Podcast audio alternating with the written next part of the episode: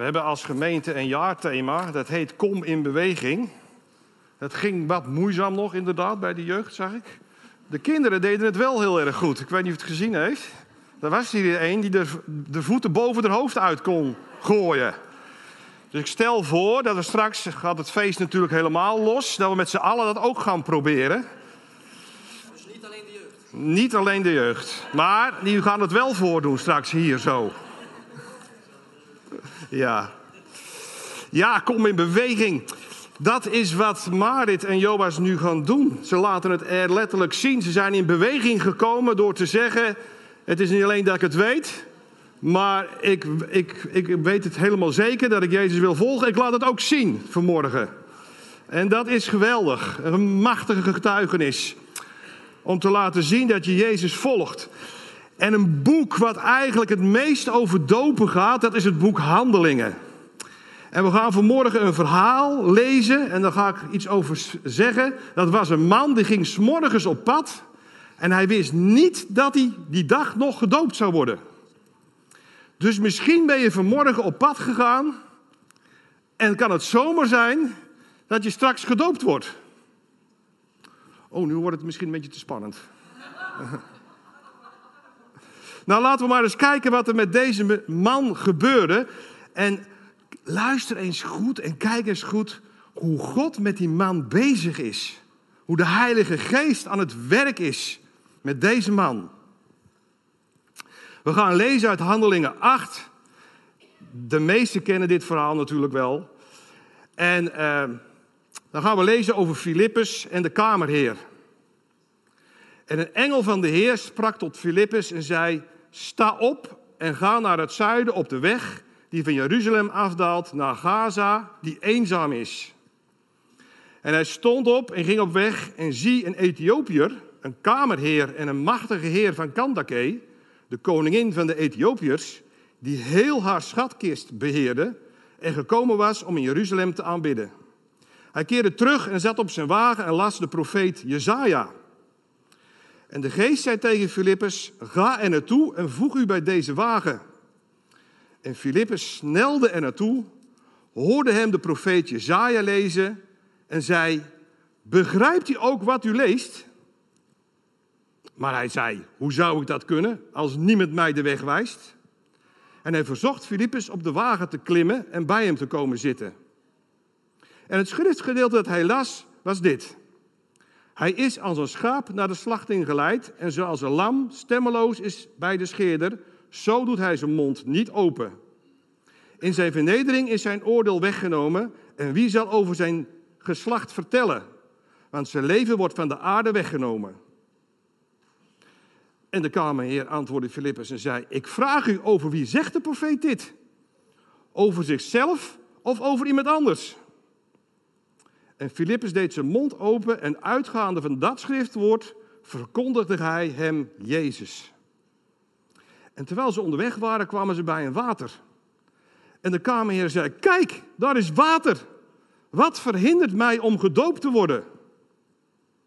En Filippus zei: Als u met heel uw hart gelooft, is het geoorloofd.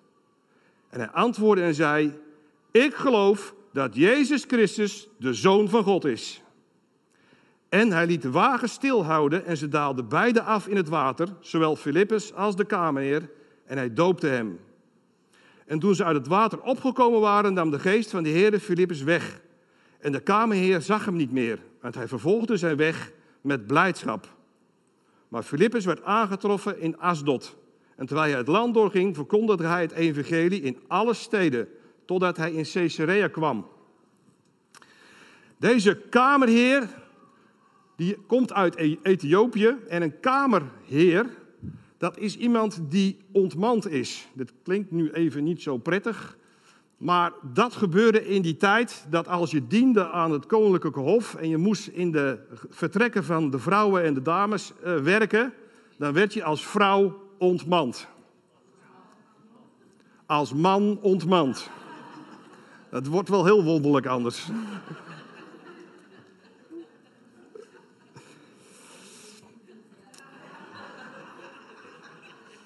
Het lijkt mij niet zo fijn. Maar met deze man was dat dus gebeurd en dat was gebruikelijk in die tijd. En ik denk als dat met je gebeurt, dat doet dat natuurlijk iets met je persoonlijkheid. En dat zou bij deze man niet anders geweest zijn. Sowieso, dat was in die tijd ook zo belangrijk dat je nageslacht had, dat je naam werd voortgezet. Dat stopte bij deze man. Hij kon geen nageslacht meer krijgen. Zijn naam zou eigenlijk verloren gaan. Daarentegen had hij wel een hele hoge positie. Hij was zeg maar de minister van de Financiën van Ethiopië. Dus hij was welvarend, hij had het verder goed, kwam niks tekort. Hij was rijk. En toch vond hij dat niet. Want hij was ontevreden over de goden van zijn land. Hij was ontevreden over de goden van zijn cultuur. Want hij ging naar Jeruzalem. Ergens had iemand daar iets over verteld. Hij moet iemand ontmoet hebben die verteld heeft over de God van Israël. De God die wonderen heeft gedaan met het volk. En hij ging op pelgrimsreis naar Jeruzalem om daar de God van Israël te aanbidden. En hij liet zijn dienstwagen bij zich komen met zijn chauffeur en alles wat erbij hoorde. En hij ging op reis naar Jeruzalem. En in Jeruzalem ging hij natuurlijk naar de tempel. Want dat is de plek waar God woont. Dat had hij gehoord. Hij wilde dicht bij God komen. Hij wilde hem aanbidden, staat er. Maar wat is nu het geval? Als je een heiden bent, dan mag je de tempel niet in. Er is namelijk wel een voorhof, en speciaal voor de heidenen, dus geen joden, die mochten op dat stukje komen, maar niet verder. En waarschijnlijk is hij daar geweest, in die voorhof van de heidenen. En hij heeft waarschijnlijk daar ergens in een souvenirwinkel een boek gekocht, het boek Jezaja. En toen ging hij weer terug. En hij nam een hele ongebruikelijke route. Hij nam een soort tussendoorweggetje naar huis. Het was helemaal niet, je zou zeggen, je kunt de snelweg nemen, maar hij nam de route nationaal. Eigenlijk raar, een, een eenzame, dorre weg. Maar ja, voor de rest is dit verhaal helemaal niet zo bijzonder, toch? Er zitten wat toevalligheden in. Maar is het allemaal zo toevallig? Is jouw leven eigenlijk zomaar toevallig? Is dat toevallig een keer miljoenen jaren geleden ergens een oorsprong begonnen? Is het toevallig dat je ja, hier in de kerk zit en dat Marit en Joas zich laten dopen, die zijn opgegroeid met het geloof? Ja, dan, dan doe je dat toch vanzelfsprekend eigenlijk toch? Maar zo toevallig is het allemaal niet. De Bijbel zegt eigenlijk dat de mens helemaal niet op zoek is naar God. Die is meer op zoek naar zichzelf, naar wat hij zelf belangrijk vindt. En voor een ongelovige is het best lastig om te gaan geloven in een God. Helemaal als je uit een andere cultuur komt en je hebt andere goden leren kennen. Dan is het niet zomaar vanzelfsprekend dat je de God van Israël gaat aanbidden. Weet je, een persoonlijke keuze voor Jezus is een wonder. Is dat een wonder? Zeker. Want voordat God, voordat jij aan God dacht, dacht God al aan jou. Voordat de kamerling dacht te gaan bidden in Israël, dacht God al aan hem. Al aan hem. En God doet er alles aan om hem bij, eh, bij Jezus te brengen. Wist je dat er in Psalm 139 staat? Toen jij nog in de buik van je moeder zat, wist hij jou, kende hij al jouw naam. Hij staat, hij heeft je in je, in je moederschoot geweven. Nog voordat je bestond, kende hij jou al. Hij kende je al bij naam. En hij heeft niets liever dat je bij hem thuis komt. En daar is het hele reddingsplan van Jezus op gebaseerd. Om je terug te brengen bij de Vader. En dat geldt voor allemaal. Voor de Joden, voor de Grieken, voor de Ethiopiërs. Dat geldt voor de Tielenaren, voor de Lindenaren, voor de Kesterense mensen, hoe noem je dat? Kesterense, Kester, dat, is, moeilijk. Kerstenaren. En hoe zeg je dat bij Geldermalsen dan? Geldermalsenaren? Of Avenzaten? Waddenooiers, wat hebben we nog meer? Filistijnen? Nee, die hebben we hier niet. Filistijnen, die heb je wel. Voor allemaal. Of je nou uit Marokko, uit Turkije, uit Ethiopië, waar dan ook vandaan komt. Gods reddingplan is voor iedereen. En hij wil dat iedereen bij hem komt, want we zijn alle kinderen van hem. Maar dan is het nodig om Jezus te kennen. En hier in dit verhaal is de hemel in beweging om die kamerling bij hem te brengen, bij God. Want, wat staat er nou? Er is een engel die spreekt tot Filippus. En Filippus, dat was een evangelist. Een man die de boodschap van God bij mensen bracht. En hij zegt tegen Filippus, je moet naar die eenzame weg gaan. En ik denk dat Filippus dacht, ja, ho eens even, een evangelist op een eenzame weg, dat is gek. Een evangelist wil alleen zoveel mogelijk mensen tot bekering brengen. Die, die vind je in de stad, niet op een eenzame weg. Maar Filippus luistert naar de Heilige Geest. Hij gaat iets doen waarvan hij denkt, dat is gek. Misschien zijn er hier mensen die dat kennen. Dat God iets tegen je zegt, dat de Heilige Geest iets tegen je zegt. En dat je denkt, dat is gek. Ah, Filippus die doet het. Hij gaat naar die weg, hij loopt daar en ineens komt er zo'n enorm belangrijk gevolg aan. Zo'n stoet met een voorname dienstauto. En dan hoort hij de geest zeggen, ga er naartoe en voeg je bij hen. Ik dacht er eens even over na. Het staat er eigenlijk heel simpel. Maar stel je voor, ik krijg, of jij krijgt de opdracht om naar Utrecht te gaan. Dan pak je de snelweg A15, A2 en je bent in Utrecht. Maar nou zegt de Heer, nee, je moet binnendoor via een eenzame, dorre weg langs Geldermalsen. Dat is al heel erg raar en vreemd natuurlijk. Daar moet je gaan heen reizen. En ergens bij Buren rijdt Mark Rutte in zijn verlengde Mercedes. En gelukkig de raampjes zijn naar beneden. En wat ik vergeet te vertellen, die kamerling die was aan het lezen uit een boek. En wij doen dat stil in ons hoofd. Maar toen deden ze dat gewoon hardop. En Mark Rutte zit hardop in zijn auto. En hij zegt, jongen, jongen, die fruitboeren hier en die koeienboeren hier met al hun stikstof. Ik heb er alleen maar last van. Hoe ga ik dat probleem oplossen? En dan loop jij daar en zegt tegen Mark, hey joh, ik kom even bij je in de auto zitten. Ik zal het even uitleggen. Dan wordt het toch iets spannender allemaal, denk ik. Maar de Heilige Geest zei dat tegen Filippus. En hij ging dus bij die kameling, bij die auto lopen. Is het, is, het, is het niet belangrijk dat we de stem van de Heer verstaan? Dat we luisteren naar wat hij zegt. En dat we soms dingen moeten doen die we eigenlijk helemaal niet leuk vinden. Waar we misschien wel helemaal geen zin in hebben. Misschien tegenop zien, Marlies. Melis heeft de moed gevat om iets hierover te zeggen. Nou moet ik wel een microfoon hebben. Hebben wij een losse microfoon? Oh, die hebben jullie. Ik sprak Marlies en ik denk, dit vind ik zo mooi. En daar gaat ze iets over uh, delen.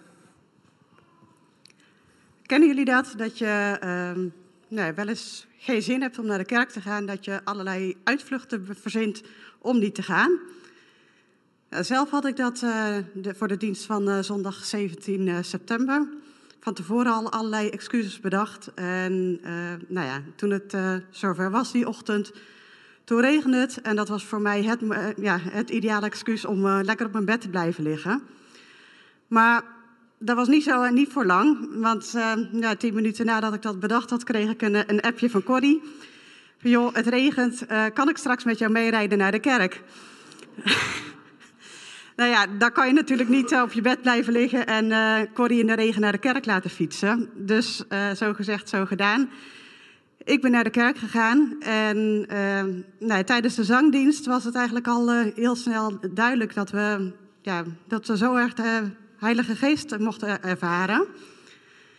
En ook tijdens de preek van Johan uh, mocht dat, dat heel sterk ervaren. En nou ja, Johan deed later ook een oproep om voor je te laten bidden. Als je meer vervuld wilde raken van de Heilige Geest. En dat mocht ik doen, dat heb ik gedaan. En ik mocht vervuld worden van de Heilige Geest. En waar ik die ochtend uh, nog dacht van, nou ja, goed. Uh, Oké, ik, ik, ga, ik doe het voor Corrie om naar de kerk te gaan. Want ik vind het sneu voor Corrie als ze dan door de regen naar de kerk moet. Heeft het appje, van Corrie er eigenlijk voor gezorgd nou ja, om mij in beweging te zetten om naar de kerk te gaan. En ja, ik denk dat ik blijer naar huis ben gegaan dan dat Corrie dat is gegaan. Ja, weet je wat ik zo mooi vind? Zo'n appje, ik geloof, God werkt daarin.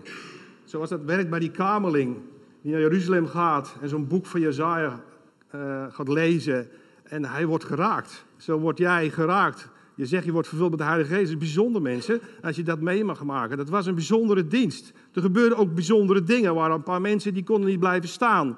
En daar kun je misschien een beetje angstig van worden, omdat in het verleden is daar best wel veel druk bij komen kijken. Dat willen wij niet. We willen ook niet dat iedereen plat op de grond gaat vallen en dat we gaan duwen en zo. Dat is helemaal niet de bedoeling. Maar wel dat de Heilige Geest zijn werk kan doen. Dat er geen belemmeringen zijn zodat hij zijn werk kan doen. Dat vind ik zo mooi dat hij dat vertelt. Maar volgens mij had je nog een dienst. Dat klopt, dat was een paar weken daarvoor. Uh, het speeddaten, nou, dat kunnen jullie vast nog wel herinneren. en als er iets is wat niet mijn ding is, dan is het een dienst zoals het speeddaten. Uh, ik heb het er met een aantal mensen over gehad. Uh, ook benoemd van, nou ja goed, speeddaten is niks voor mij. Ik moet nog maar zien of dat ik ga.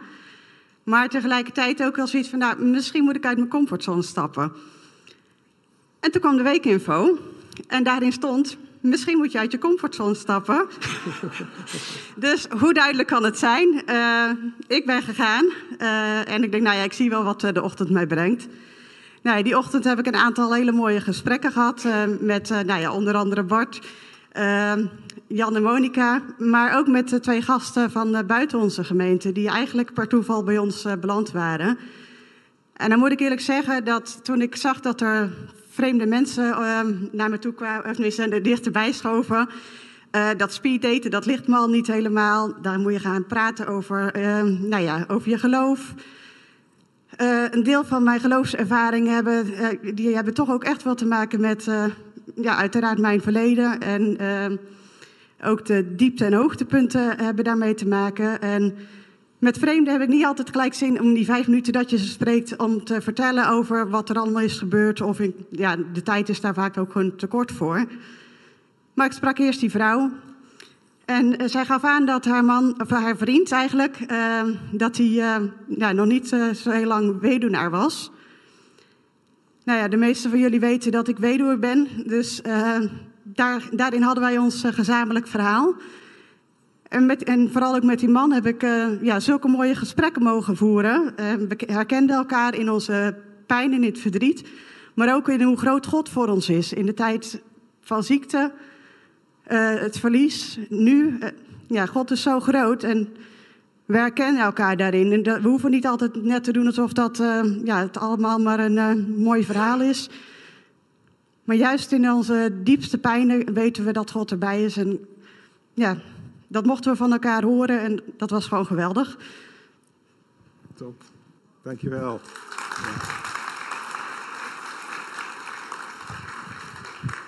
Zij kan het veel beter vertellen dan ik, hoe, hoe, zo, hoe God werkt in zo'n situatie. En ik sprak die mensen, die waren te laat bij een andere kerk.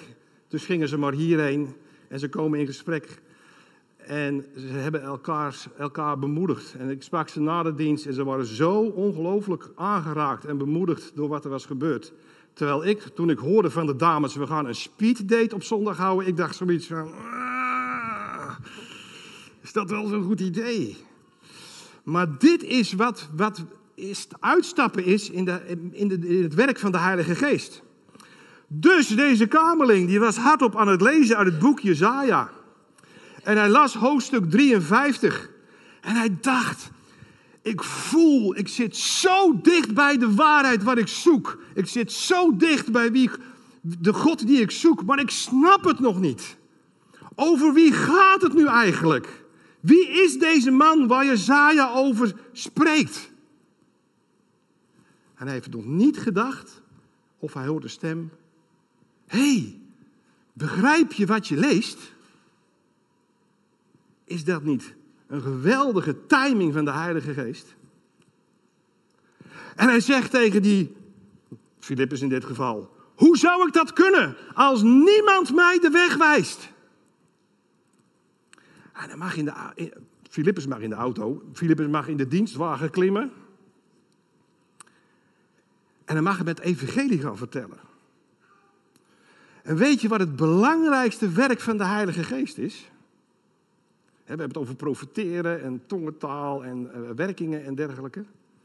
Maar het belangrijkste van de Heilige Geest is dat hij de weg wijst. Dat zei Jezus. Ik ga naar de hemel en ik zal iemand anders sturen en die zal je de weg wijzen.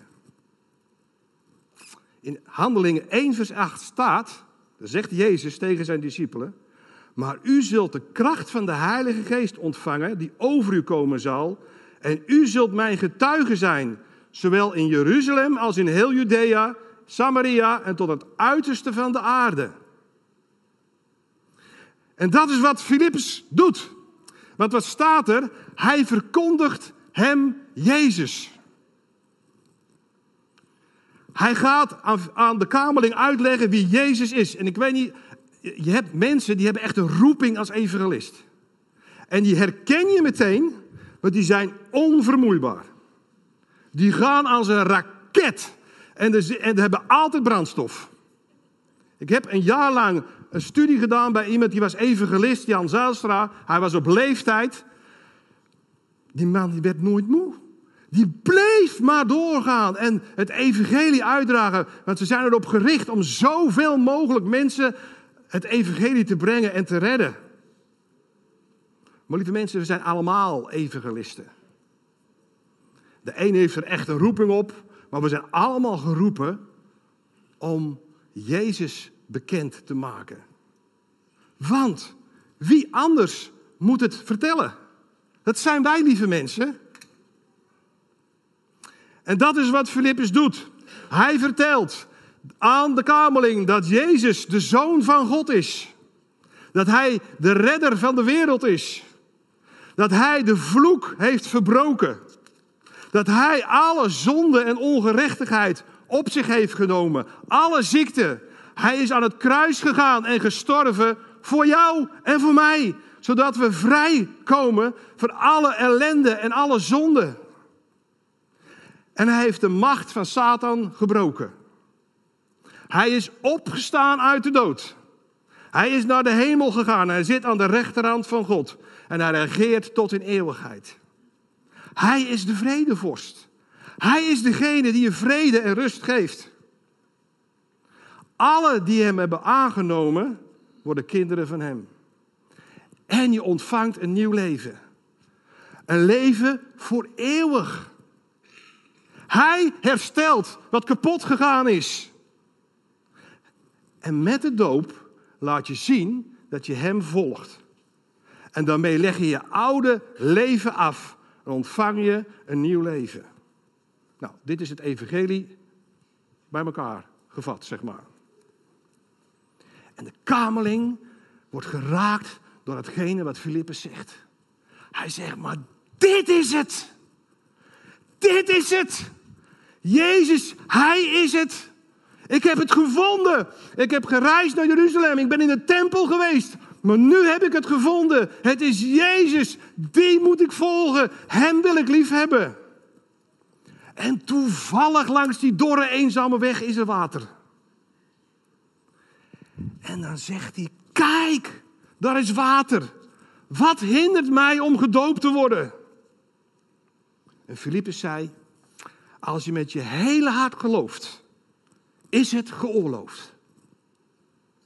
En de kamerling zei: Ik geloof dat Jezus Christus de Zoon van God is. En meteen wordt de wagen stilgezet. Filippus springt er vanaf, neemt de kamerling mee en hij wordt gedoopt. Hij wordt ondergedompeld, schoongewassen. Weet je, deze beleidenis is voldoende. Je hoeft niet eerst een examen te doen van hoeveel Bijbelboeken heeft de Bijbel, hoeveel zonen heeft Jacob, hoeveel profeten heeft het Oude Testament, wie zijn allemaal de discipelen, hoe heten ze. Het aller enige wat er nodig is, is dat je Jezus beleidt als jouw redder en heiland. Als je dat met je hele hart doet, mag je gedoopt worden. Dan ben je een kind van God. En de rest komt echt wel vanzelf. Al die Bijbelstudies en zo, die je dan natuurlijk moet gaan volgen en zo. Dat allemaal weer wel. Nee, dat is een grapje. Dit is het enige. En dan doet de Heilige Geest weer iets heel aparts. Terwijl die kameling omhoog komt uit het water, helemaal vol van blijdschap, is Filippus weg. Vloep. Het lijkt wel een soort tekenfilm of zo. De Heilige Geest neemt hem weg en hij is ergens in een ander dorp. En deze kameling gaat vol van blijdschap weer weg, op weg naar huis. En nou komt er toch iets bijzonders. Ik denk dat hij is verder gaan lezen in het boek Jezaja. Het staat er niet, maar ik denk, hij was aan het lezen, hij ontdekt de waarheid, hij wordt gedoopt en dan gaat weer verder reizen. Ik denk dat hij is verder gaan lezen in het boek. En als het niet op dat moment was, vast wel later. Drie hoofdstukken later leest de kamerling dit. Onthoud even wat ik heb gezegd over wat een kamerling is. Laat de vreemdeling, Jezaja 56, laat de vreemdeling die zich bij de Heer gevoegd heeft, niet zeggen de Heer heeft mij geheel en al van zijn volk gescheiden. Laat de ontmande niet zeggen, zie ik ben maar een dorre boom. Want zo zegt de Heer over de ontmande die mijn sabbaten in acht nemen, verkiezen wat mij behaagt en vasthouden aan mijn verbond. Ik zal hun in mijn huis en binnen mijn muren een plaats en een naam geven, beter dan die van zonen en die van dochters. Een eeuwige naam zal ik ieder van hen geven een naam die niet uitgewist zal worden. Ik werd er helemaal stil van. Wat een geweldige God. Deze man, waarvan hij dacht, mijn naam gaat verloren. Ik heb geen kinderen. Daarvan zegt God nu tegen hem, maar jij hebt een plaats in mijn huis gekregen. Je mocht eerst nog maar een stukje van mijn voorhoofd zien, maar je mag nu in mijn huis. En jouw naam staat geschreven en zal nooit meer uitgewist worden. Deze man wordt volledig hersteld. Weet je, dat geldt ook voor jou. En dat geldt voor jou. En dat geldt voor Bart. Dat geldt voor ons allemaal. Als je Jezus hebt aangenomen, jouw naam wordt geschreven in de hemel. Je hebt een plaats gekregen in zijn huis. Voor eeuwig. No matter wat er is gebeurd, of wat je is overkomen, of waar je uitkomt, wanneer je Jezus hebt aangenomen, is alles nieuw. Jouw naam staat voor eeuwig geschreven. Betekent dat dan dat we niks meer van problemen tegenkomen? Nee, dat betekent het niet. Het laatste lied wat we gezongen hebben gaat over stormen en zo waar je doorheen gaat. Maar in dat alles is de naam van de Heer om jou daar doorheen te dragen. In dat alles is de Heilige Geest volop met je aan het werk. Omdat je een kind en een zoon en een dochter van Hem bent. Je hoort bij Hem in zijn huis. En vandaag gaan we dat vieren. Joas en Marit, jullie gaan helemaal lekker kopje onder. Je hebt allemaal je leven. Jij bent 15, bijna 16. Je bent echt 15 en jij bent echt 18. Juist. Hoe fantastisch dat je op die leeftijd al deze keuze maakt. Wat ligt er voor jullie in het verschiet? Ja, een applaus waard, ja. Ja.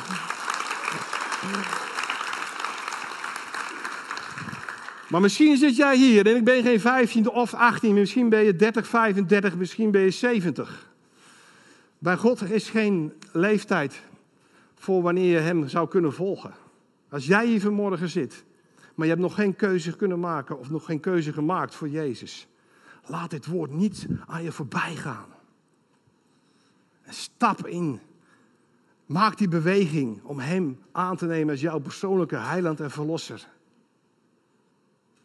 Het wordt allemaal anders voor je. De Heilige Geest, die zal je leiden. Zullen we een moment van gebed nemen? Vader, ik dank u zo weer voor deze fantastische mooie dag. We mogen getuigen van wie u bent. Maar ik bid ook voor degenen die hier zitten en u nog niet kennen. En ik wil aan jullie vragen, voor de mensen die het aangaat. Als je zegt, hé, hey, dit woord heeft mij aangesproken. Laat het niet aan je voorbij gaan. Je mag als respons, we houden onze ogen dicht, je hand opsteken. Om te laten zien, ja, ik wil die Jezus volgen. Ik wil hem dienen. Dan mag je dat nu doen. En dan kunnen we straks met je daarover praten. En als je het nu niet doet, neem het dan mee. Want God gaat ook met je mee. Hij laat je nooit alleen. Hij is er altijd voor je. Vader, ik dank u zo voor deze prachtige dienst. In Jezus' naam. Amen.